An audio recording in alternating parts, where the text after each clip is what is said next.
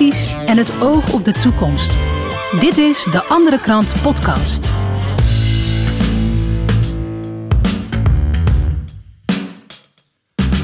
Dit is de Andere Krant Podcast, de wekelijkse voorbeschouwing met schrijvers, journalisten en iedereen die betrokken is bij de Andere Krant. En eh, vandaag gaan we het hebben over een, eh, een verschuiving die plaatsvindt in Nederland. Steeds meer mensen gaan andere keuzes maken als het om voedsel gaat. Waar haal ik mijn eten vandaan? Doe ik dat nog eh, bij de supermarkt of ga ik eh, naar de lokale boer? En ik ga dat bespreken met eh, Yvette van der Does. Yvette, welkom. Hey, hallo Niels. Ik heb je even aan de telefoon, eh, want er, ge- er gebeurt nogal wat in Nederland hè, de laatste tijd. Ja, er is een enorme verschuiving die plaatsvindt. met betrekking tot inderdaad goed voedselvoorziening. En ja, dat, dat, dat is een positieve verschuiving, Niels. Ja, wat, wat, Als wat- ik, want waar komt die gedragsverandering vandaan? Want dit is natuurlijk wel een, een bijzondere beweging zo. ja, nou, ik denk dat die gedragsverandering eigenlijk al eh, eerder had eh, kunnen plaatsvinden in de jaren zeventig. Want toen eh, waren er eigenlijk mensen die gingen wonen in de Phoenixwijk. En ja, die hadden natuurlijk vaak al een agrarische achtergrond. Ik woon bijvoorbeeld in Noord-Holland. Dan heb je van die dorpen, ja, die, die staan midden in de polder. En ja, er is wel één supermarktje. Maar eh, ja, ze willen toch eigenlijk gewoon wel weer eh, de, de melk van de boer. Dus in die tijd gingen mensen nog wel eens langs stalletjes. Of ze namen eh, voor elkaar een, een, een, een, een, hoe heet het, een melkbus mee. En dat gingen ze dan verdelen. Ja. Maar op een gegeven moment zijn we natuurlijk allemaal overal gaan wonen. En hebben we vrienden over, over de hele wereld. En hebben we die verbinding niet zo goed met elkaar. Nou ja, goed, dat even in de aanloop meenemend. Eh, heeft iedereen eigenlijk altijd die behoefte wel gehad aan vers, aan, aan, aan eerlijk, aan natuur inclusief, eh, contact met de boeren. Dus dat is nooit weg geweest. Maar omdat je gewoon zo druk met je eigen leven bent en je gaat van A naar B, ja, dan kom je langs eh, de supermarkt en je laat je karretje in met alles van A tot Z, hè, van, van de boter tot, tot de chips. Ja. En je, je bent op tijd thuis voor de pappot. Nou, eh, wat we hebben gezien in de eerste lockdown was dat, dat schappen enorm leeg raakten. Mensen gingen eh, hamsteren, ze gingen helemaal tekeer, ook bij mij hier in het dorp. En dan ga je nadenken. En dan ga je vooral nadenken van, ja hallo, eh, wat kan ik hier zelf eigenlijk aan doen? Hè? Hoe kan ik nou voorkomen dat ik, dat, dat, dat ik, net als die anderen die ik hier om me heen zie in dit gekke huis, tekeer ga? Ja, dat is angst. Dat, dat moet je niet willen. Dus dan keer je eigenlijk terug naar dat gevoel van, laten we nou gewoon eens volwassen worden en niet meer afhankelijk zijn van anderen. En laten we het gewoon zelf gaan doen. Ja, want ik kan me Nou, ook voorstellen, Yvette, dat, dat, eh, dat wat, eh, ons voedsel komt natuurlijk ook eh, ergens vandaan. Hè? Heel veel mensen weten dat ons voedsel vaak uit het buitenland komt. Dat mensen Ja. toch bewust zijn geworden van, ja jongens, dat proces dat is nou wel al jaren in, in gang gezet. Maar daar hebben we Ja. totaal geen controle over. Nee, en die controle raken we alleen maar steeds meer en meer kwijt. Omdat ook de boeren steeds meer onder druk worden gezet. Dus wat je al niet doet is, in, je hebt haast, je komt naar binnen, je pakt een appel. eh, en ik kijk dan op de zak. Ik wil toch nog wel dat het uit Nederland komt. Hè, en niet eh, over al die eh, biotopen door de oceaan dendert in een, in een, in een tanker.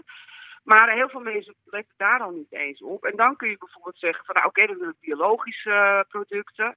Ja, dan denk je, ja, dat ligt hier wel bij Albert Heijn. Maar die, eh, hè, ook bij de Lidl, ja, kan ik dat wel vertrouwen? Want ik kan die, aan die broccoli toch niet echt zien dat die bij die ene boer vandaan komt. Ja. Nou, dan, dan, en dan denk je van, nou oké, vooruit. Laten we dan terugkeren naar de bron. En dan van boer naar bord. En dan gaan we gewoon met ons fietsje en ons autootje gaan we gewoon de boeren opzoeken. Ja. Nou, dat zijn we dus allemaal in die eerste lockdown gaan doen. Eh, als je veel con- connecties hebt met andere verbindingsgroepen, hè, eh, co- nieuwe communities die zijn ontstaan, dan zie je dat iedereen eigenlijk allemaal op hetzelfde moment bezig is om, om dat in kaart te brengen. Nou, en dan, eh, eh, nou, dan is het in kaart en dan denk je van, goh, nou mooi, ik kan dus in, eh, in, eh, dat dorp mijn kaas halen en daar kan ik dan eh, eh, mijn- mijn eh, eh, appels halen. Ja, en dan ben je dus de hele week bezig om je, je spullen bij elkaar te, te, te, te verzamelen. ja. Nou, als, als ik het goed dus begrijp, eh, dus dat wil Yvette, je sneller, ja? ja, dan, dan moeten we dus eigenlijk weer eh, eh, onze tijdsinvestering anders gaan organiseren. Want eh jij zegt van, dan ben ik daar even voor de appels en ben ik daar voor, voor de groenten. Dat, is, Ja. dat is best wel een dingetje. Want je, we zijn heel gewend dat we met één boodschappenkarretje binnen een half uur alles hebben ingeladen. Maar dat werkt dus niet meer. Nee, en je moet het eigenlijk, denk ik, ja, misschien dat we straks nog even wat meer in het detail gaan waar, uh, hoe we het anders zouden kunnen doen. Maar wij denken bijvoorbeeld ook aan, uh, nou, als voorbeeld, ik heb dan een community. We hebben een afhaalpunt bij Matthijs Bos. Daar hebben we ook in deze editie besteden we daar ook aandacht aan. hebben we al groente en fruit via een afhaalpunt binnengekregen. Maar dan wil je verder, hè, want dat is niet het enige. Je wil ook, uh, dus dan zeg je van nou, dan gaan we weer met het fietsje. Uh, dan gaan we. Maar aan de andere kant, uh, je kunt twee dingen doen. Hè. Je kunt of gezamenlijk gaan inkopen, direct bij de boer. Dat is abs een absolute goede mogelijkheid. Ik denk dat dat ook toekomst heeft. Maar je kunt ook denken van nou, ik ga heel vaak nu wandelen. En waarom wandel ik dan niet even langs uh, dat kraampje? Of waarom wandel ik dan niet even langs die zuivelboerderij? Ja. Het kan natuurlijk allemaal wel. Uh, en, ik denk dat, en ik denk dat we ook gewoon wel daarin wat volwassener moeten worden. Om te zeggen van nou, we gaan dat gewoon wel weer doen. We gaan onszelf motiveren om dat weer uh, aandacht, onder de aandacht te brengen. Ja. En onszelf als het ware te trainen, hè? want het is allemaal gewoonte. Maar ja, dan rij ik natuurlijk net als de anderen die langs de, al, uh, langs de supermarkt.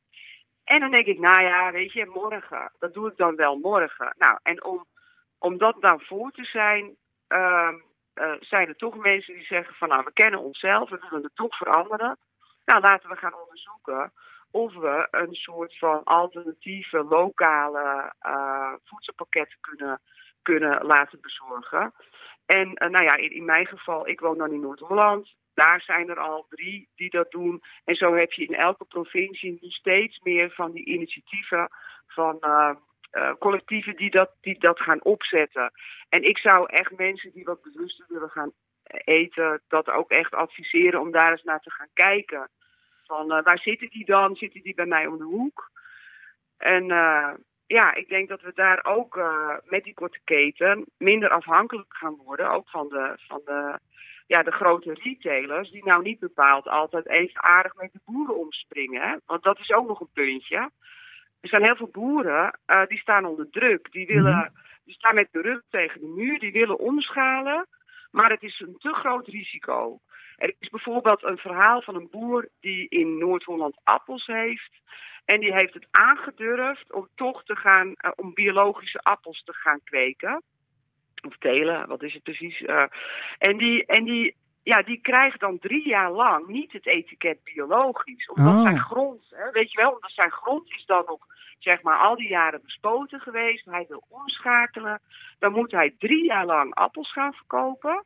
Die hij niet het keurmerk biologisch mag geven. Maar hij heeft wel drie jaar lang neemt hij het risico om uh, ja, dat zijn oogst natuurlijk wordt opgegeten door rupsen, vlinders, et cetera. Nou, uh, uh, zo'n boerenburgerinitiatief als proefkantoor, waar ik over schrijf in de, in de krant, die geeft die boer gewoon een eerlijkere prijs. Hij zegt tegen ons van nou, hè, als je het niet wilt, vertrouwt, hier is het adres, ga maar bij hem kijken. Ja, ja. Ja en die helpt deze man aan een, een, een, een duurzamere natuur inclusief landbouw te gaan. En ja, dat is natuurlijk fantastisch. En dat zou veel vaker moeten gebeuren. En er wordt nu eigenlijk gezegd van, nou, je bent een biologisch boer. Nou, en dan deug je. En dan, dan, is, het allemaal, dan is het allemaal heel duur, weet je wel. En dan rij je in een oude Volvo. En dan aan de andere kant heb je die boer. Uh, uh, er zijn ook boeren recent nog bij een uh, uitzending geweest op de televisie. Uh, al, uh, die, die worden neergezet als, als klootzakken die, uh, die, die, in een, die in een dure speedboot over het IJsselmeer rachen en het ze niet interesseert wat ze over hun, over hun producten spuiten. Maar daartussenin zitten nog heel veel boeren die wel anders willen. Ja, even, even, even één dingetje. want je vertelde net over die boeren die dan biologisch eten willen verbouwen.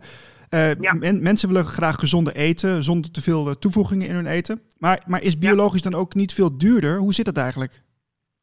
Ja, het, kan, het is duurder als je gaat kijken uh, over hoeveel, langs hoeveel ondernemers het gaat. Hè? Nu, nu, nu, nu, je kunt zeggen van als ik het bij de boer haal, dan, dan, dan kan ik gewoon inkoopprijs plus een stukje winst voor de boer betalen. Nou, wordt het door een hele grote retailer uh, ingekocht, gaat, daar, gaat het misschien nog wel twee keer over de kop of zo. Hmm. Oké. Het is duurder, ja natuurlijk is het duurder, want, want, want een, een per se ook biologische uh, aardappels heeft zoveel meer grond eromheen nodig, uh, waar, waar bloemen geteeld worden, omdat, hè, om, om, om, om te zorgen dat die balans in de natuur blijft bestaan en minder wordt bespoten. Ja, ze, nee, het, risico natuurlijk is dat zij in die prijs moeten doorberekenen dat er ook wel eens een keer iets misgaat. Ja. Anders ben je natuurlijk meteen failliet. Okay, en ja, je hebt ja. minder, minder grote opbrengst, uh, ga ik vanuit. Hè? Dat je, je, je uh, ja, dat, dat, het, zit niet, het kan ook bijvoorbeeld in de volle grond zitten. Dan groeit het natuurlijk veel minder snel. Mm -hmm. En als je een, uh, een, een tomaatje in de kassen van uh, midden, middenmeren hebt, als je die ziet staan, die branden natuurlijk dag en nacht. Ja, dan heb je gewoon ploftomaat. Dat Ja, is gewoon. eh, en dat smaakt veel minder, eh, minder, minder goed. Eh, het is ongezonder. Ja, daar kun je allerlei wetenschappen op loslaten. Daar weet ik niet, eh, niet alles van. Maar ja, het is, het, is, het, het is, het is duurder, maar het is ook voedzamer.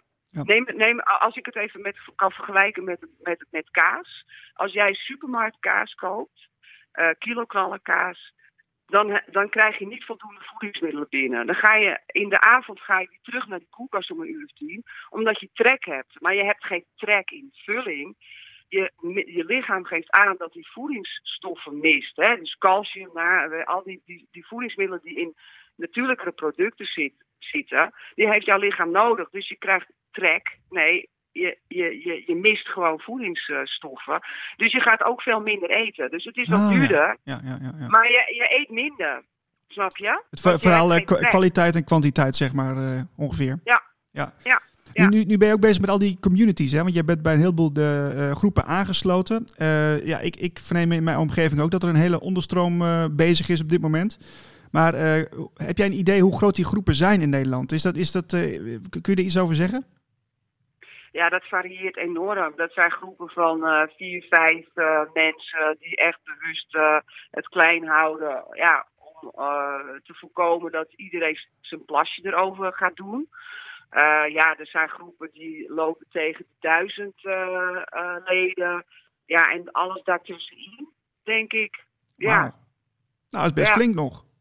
Ja, nou ja, en iemand moet maar eh, contact met ons opnemen als ze weten dat, het, eh, dat, er, dat, er, dat er groepen zijn die nog groter zijn. Dan, eh, dan hou ik me aanbevolen om contact met ons op te nemen. Om te kijken van, nou ja, hoe, werkt dat dan in zo'n hele grote groep? Ja, het zou wel gaaf zijn als Ja. we dat een beetje in, in kaart kunnen brengen. Hè? Wat er in Nederland allemaal nu ontstaat. Dat is toch wel heel interessant voor heel veel mensen. Want ja, als je toch bezig bent met die alternatieven zoeken, dan, dan kunnen we daar el- elkaar in versterken natuurlijk. Ja, zeker. En als, als ik als een spin in het web of andere eh, redacteuren bijvoorbeeld binnen de, binnen de redactie van de andere krant zich daarop gaan focussen, dan krijg je op een gegeven moment een totale bodyscan van Nederland, België, Duitsland of whatever wat wij willen. En, en dan echt bij wijze van spreken nog met van die vlaggetjes aangeven waar ze zitten. En overal heb je dan een contactpersoon. En ja, weet je, en dan haal je overal je informatie aan, uit. Ja, en dan kan, dan kan iedereen eh, van elkaar leren. Ik denk wel dat het belangrijk is dat, weet je, hoort ook heel vaak dat mensen zeggen van, nou, laten we één platform worden. Ik denk dat daar dan wel misschien soms weer het gevaar is dat het dan weer te groot wordt.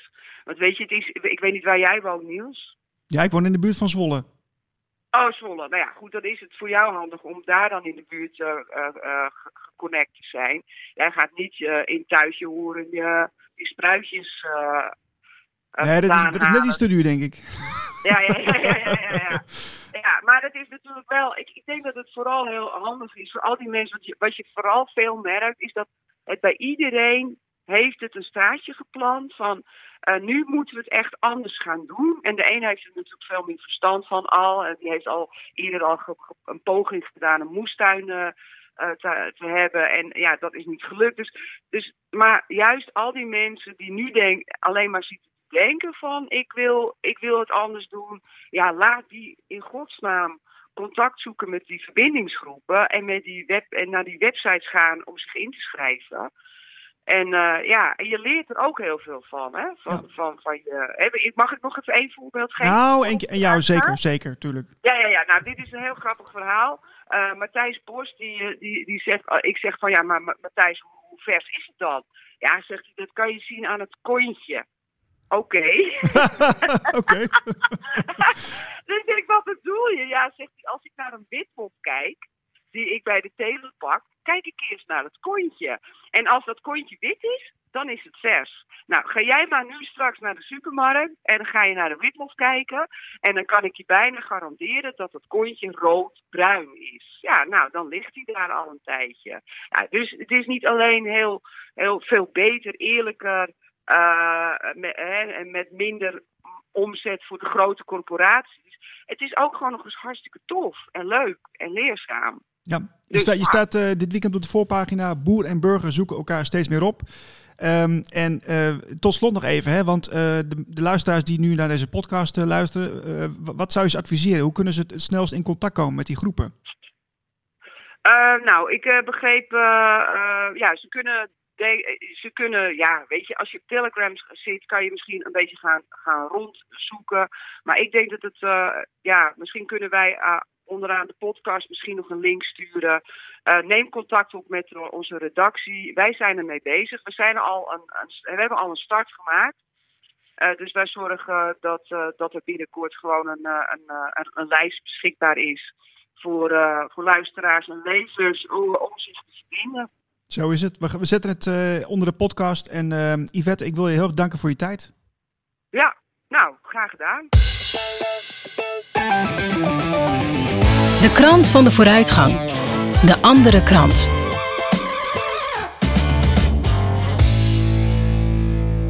Ik ga in gesprek met Annette Wood. Uh, Annette, je bent van het uh, comité Orgaandonatie Alert. En um, ja, jij maakt je heel druk, druk, over orgaandonatie. Dat is een gevoelig onderwerp. En ik ben heel blij dat je hier bent om, om erover te spreken. Dus uh, welkom. Um, ja, ik, ik, ben eigenlijk wel benieuwd hoe dat bij jou is begonnen. Dat je hier in dit onderwerp bent gedoken. Want het is nogal een specifieke zaak volgens mij. Hè? Ja, dat klopt. Ik was eigenlijk altijd overtuigd dat als je met je orgaandonor te zijn, dat je iets kon betekenen voor je medemens als je dood zou zijn.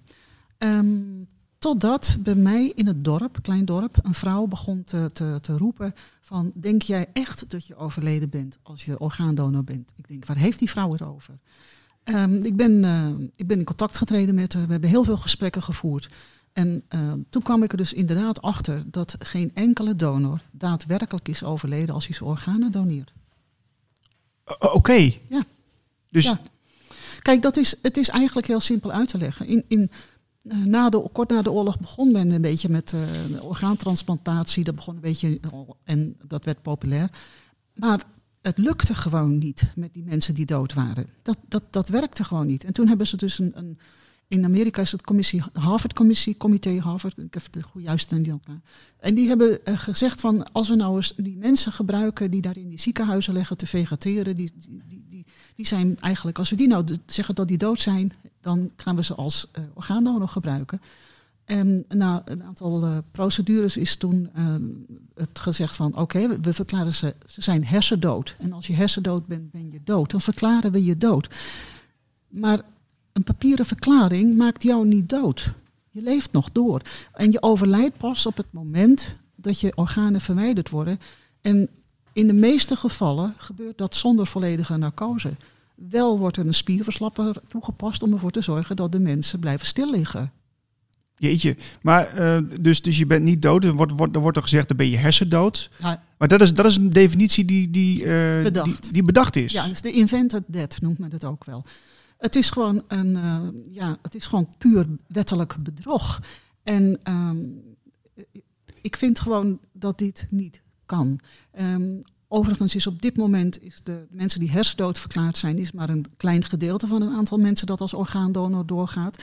Meer dan 50% zijn mensen waarvan vijf minuten hartcirculatie uh, stilstand is geweest. En dat is nog veel meer discutabel. Daar zijn, voor het hersendood uh, gebeuren is een protocol opgesteld.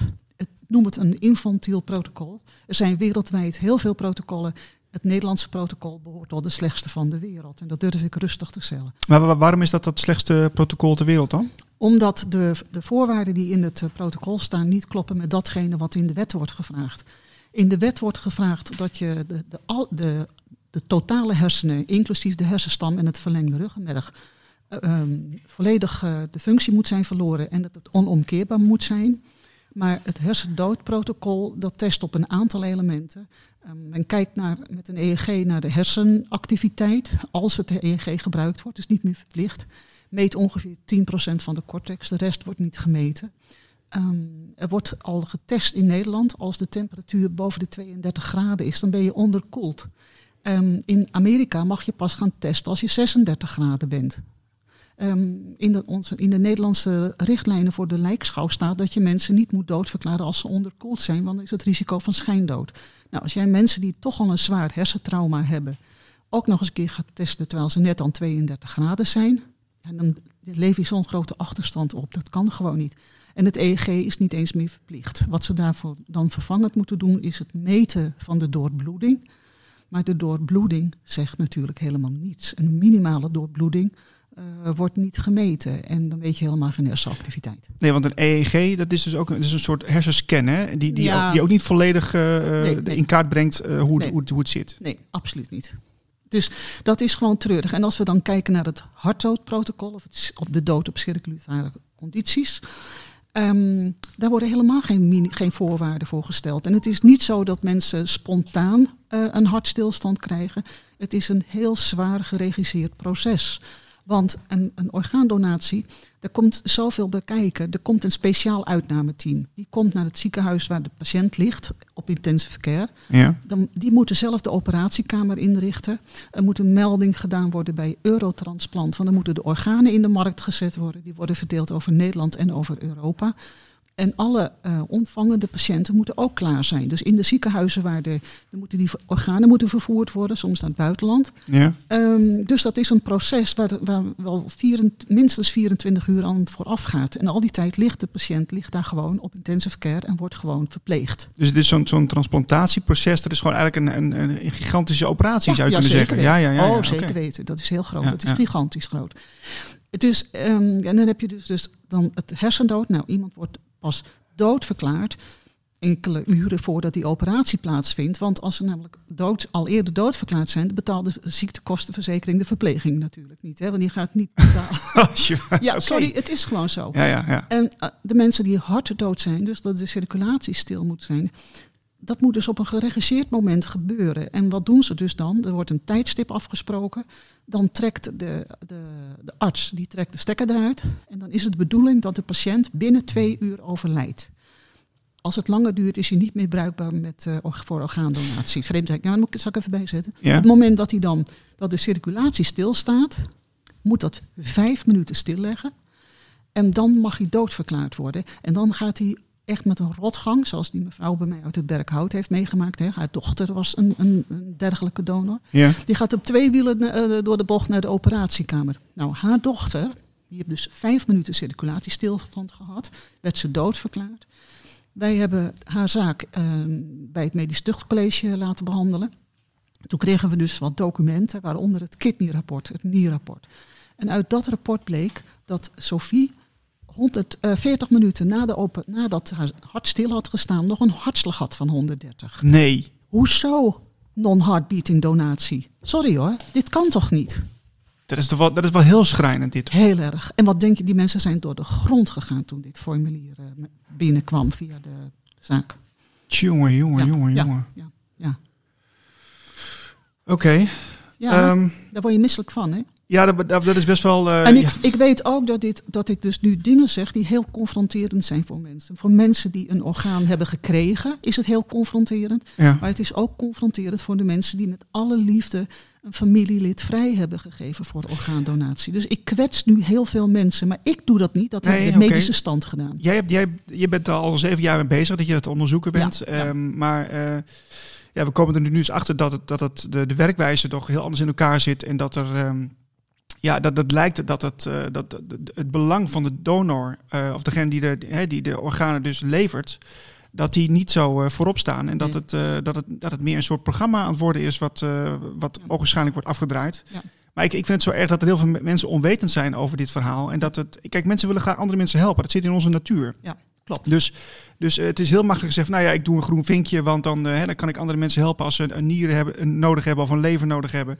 Maar eh, ja, mensen zijn dan zo goed gelovig en denken dat het, dat het allemaal wel goed klopt. Maar als ik jouw verhaal zo hoor, dan Ja, zit het toch even iets anders in elkaar. Ja, dat zit echt wel anders in elkaar. En ik vind het gewoon schrijnend. Ik heb met een aantal mensen, soms ook alleen en soms in comité, het proces aangespannen. Er zijn uh, ondertussen vijf zaken geweest bij de reclamecodecommissie. En de reclamecodecommissie heeft natuurlijk gewoon aan dat ministerie gezegd van... Uh, dat, dat ze dat beter moeten uitleggen, omdat het vertrouwen in de overheid geschaad wordt. Ja. Ik heb gewoon een, in een van de verweren schrijft het ministerie gewoon: we weten dat de frase na overlijden niet goed is, maar we blijven hem gebruiken, want we weten geen betere omschrijving en het is toch algemeen geaccepteerd. Oké. Okay. Ja. Nou, oké, okay, doen we niet. Medisch Tuchtcollege, wij proberen van alles overal voet aan de grond te krijgen en om, om, het, om het goed te krijgen, maar het lukt gewoon niet. Ja, ik, ik, ik, ik wil even terug naar de wetgeving, want daar hadden we het net ook heel even over. Uh, in 2018 is de donorwet uh, aangenomen in de Kamer. Ja. Uh, maar wat gebeurt dan eigenlijk als je geen actie onderneemt? Hè? Want heel veel mensen, hè, zoals we al net zeiden, die hebben eh, gewoon vertrouwen in de overheid. Ja. Het is goed geregeld. Ik, ik, ik steun een goed doel. Daar komt het op neer. Ja. Eh, maar als ik, daar, als ik nu niks doe, eh, wat gebeurt er dan? dan staat er in het donorregister dat je geen bezwaar hebt tegen orgaandonatie. En als jij dan in het ziekenhuis ligt op intensive care en het komt aan de orde, dan zouden jouw naasten moeten aantonen dat jij het niet hebt gewild. Maar wie zegt mij dat jij die brieven hebt gehad van de, van, de, van het ministerie waarin werd gezegd dat jij je keuze moest maken? Ze zijn misschien wel verstuurd, maar wie zegt er dat jij de brieven hebt ontvangen? En dat ze dan zomaar zeggen van oké, okay, die meneer of die mevrouw heeft geen bezwaar. Het is een fictieve toestemming, het is geen toestemming. En dan moeten de, de naasten moeten dan maar zorgen dat jij... Uh, uh, niet als orgaandonor doorgaat. Ja. Weten zij veel als zij dezelfde informatie baseren die, die, die, die 90% van de mensen hebben en denken dat je dood bent? Ja, en je moet het nog eens een keer online, uh, moet je natuurlijk uh, een keuze maken. Ja, dat klopt, maar je kan het ook schriftelijk doen hoor. Dat is ook, oh, dat kan nog wel. Ja, daar is nog okay. steeds een, ja, dat, die mogelijkheid is er nog steeds altijd. Maar het is altijd, maak je eigen keuze. En wat ook heel veel mensen vergeten is dat het niet alleen over Nederland gaat. Het gaat, orgaandonatie is wereldwijd hè. Dus wat hier in Nederland misschien gebeurt, gebeurt niet in Frankrijk of in Thailand of waar je dan ook bent. Dus de regelgeving van dat land is bindend. En het donorregister is alleen geldig in Nederland. Dus zodra jij in het buitenland bent, is er niemand die in het donorregister kan kijken. Dus als jij in het donorregister hebt gezegd, ik, ik ben akkoord met orgaandonatie, maar je hebt bijvoorbeeld een aantal organen uitgesloten, die Mhm. wil je niet. Dan, en je bent ergens in, weet ik veel waar, ik weet in Malta of zo, ik noem maar wat, dat is ook een keer gebeurd. En dan wordt er aan de naaste gevraagd van mag hij als orgaandonor? Maar wat weten die mensen ervan wat jij in je donorregister hebt staan? Ja, ja. Dan wordt misschien alles eruit gehaald. Er zijn zoveel dingen bij die, die mensen niet weten. Ja, nou, dan hebben we ook nog het, het onderwerp uh, bewustzijn. Want uh, dat vind ik wel heel interessant. Hè? Ja, want ja. er zijn dus verhalen Ja. dat mensen dus uh, hebben meegekregen die onder narcose lagen. Van hé, hey, er wordt aan mijn lijf gerommeld. Ik, ik, ik onderga een helse pijn. Ja. kun je daar ook iets over zeggen? Ja, wat, wat, je zegt is, moet ik even corrigeren. We weten dat er mensen zijn die worden geopereerd, die zijn onder volledige narcose gebracht en die hebben het nooit gevoeld. Maar dat zijn standaard operaties. Bij orgaandonatie is het zo dat je um, uh, in het geval van de hartdood volgens de, de helemaal geen narcose krijgt. En de mensen die hersendood zijn, die krijgen standaard een spierverslapper. En als de uitnamearts het nodig vindt, krijg je een pijnstiller of een bewustzijnverlager. Um, we weten van mensen die uh, op het laatste nippertje konden aangeven van ik, ik leef nog. Een klein signaal, zoals Zak Dunlop in Amerika. Die, die, uh, heeft, die gaf op het laatste nippertje, was er iemand die zag van ja, maar dit klopt niet. Hij, hij, hij is er wel. Die jongen is ook vrijwel volledig hersteld. En die heeft alles gehoord en die heeft alle pijnprikkels gevoeld. En die was wit heet, maar hij kon door de aard van zijn trauma op dat moment niet aangeven wat er los was met hem. Dat hij er was en dat hij het wist. En er zijn heel veel van dit soort verhalen. En uh, het bewustzijn, we weten niet waar het bewustzijn van de mens zit. Dat weten we niet. Nee.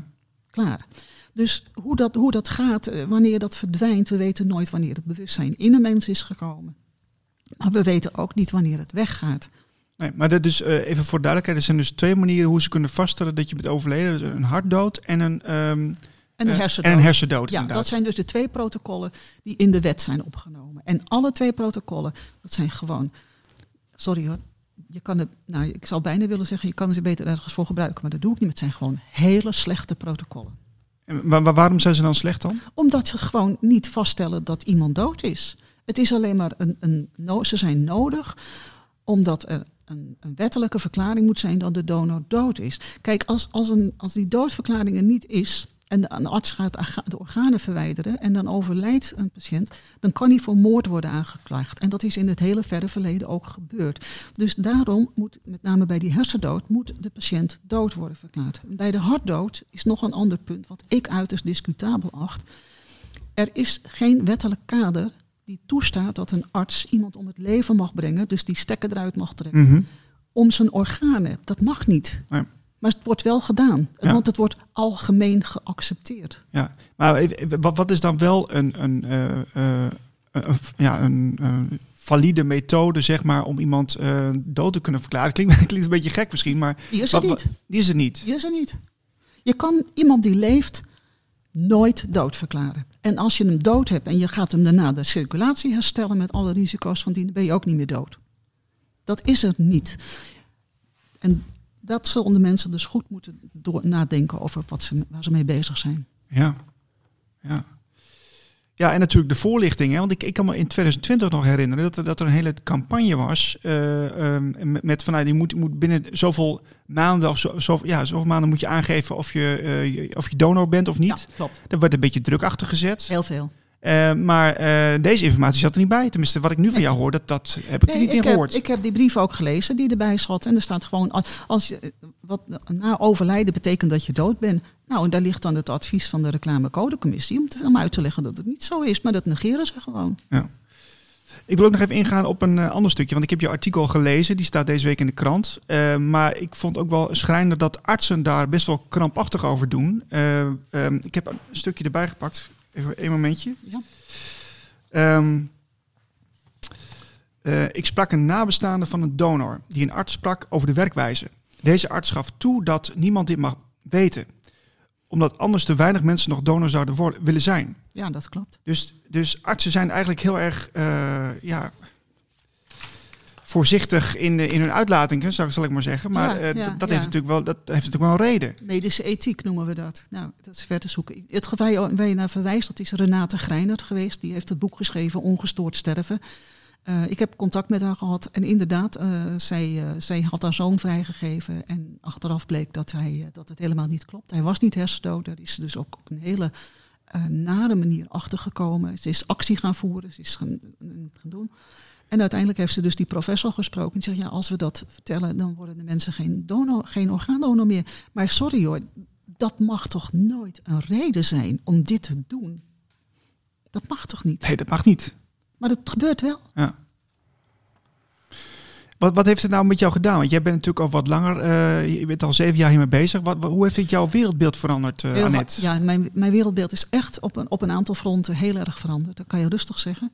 Ehm, ik, eh, het vertrouwen op, op veel fronten in de, in de medische wereld is bij mij weg. Ehm, en het grappige is dat ik eigenlijk dat het vrij lang heeft geduurd voordat ik in de gaten had dat we met de corona werden besodemieterd. ja, dat, je echt, dat is echt, maar dat ik toch zo goed van vertrouwen was blijkbaar. Ja, ja, ja. Maar ehm, ik, ik ben nu op dat gebied ben ik alle vertrouwen kwijt in de medische wereld. En dat wil niet zeggen, want dan gaan mensen, ga je niet meer naar een dokter? Ja, ik ga naar een dokter. En ja, ik laat me behandelen voor een ziekte als ik die heb.